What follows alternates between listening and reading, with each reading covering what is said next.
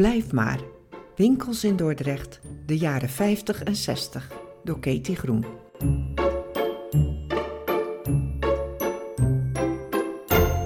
De pril van Leen was een begrip bij alle verpleegsters.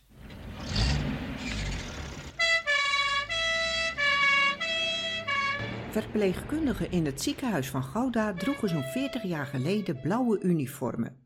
Dus toen Krina Biever werd aangenomen in het gemeenteziekenhuis in Dordrecht, moest ze een ander uniform gaan dragen.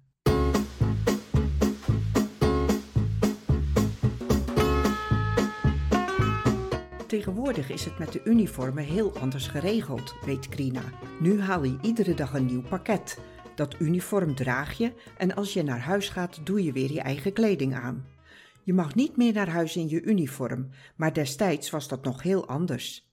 Ik wist heg nog steg in Dordrecht, maar mijn nieuwe collega's vertelden dat alle uniformen in het gemeenteziekenhuis afkomstig waren van de Pril van Leen in de Grote Spuistraat. Alleen al de naam vond ik fascinerend. Krina fietste naar de Grote Spuistraat. Ik kwam terecht in een winkel waar ze textiel verkochten en volgens mij ook manufacturen.